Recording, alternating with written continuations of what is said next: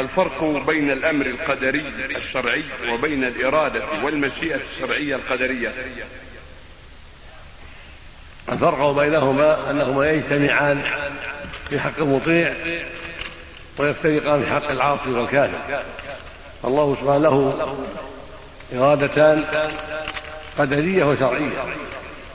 قدرية سبق بها علمه ومرادها نافذ.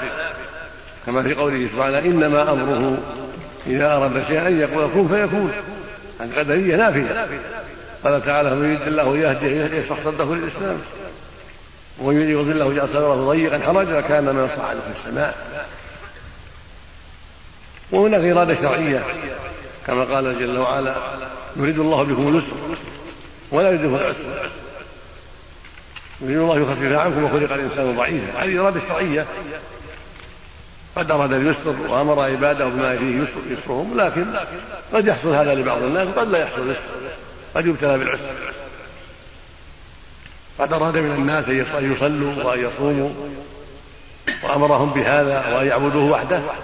فمنهم من صلى وصام وعبد الله ومنهم من كفر وهم الأكثرون. هذه إرادة شرعية.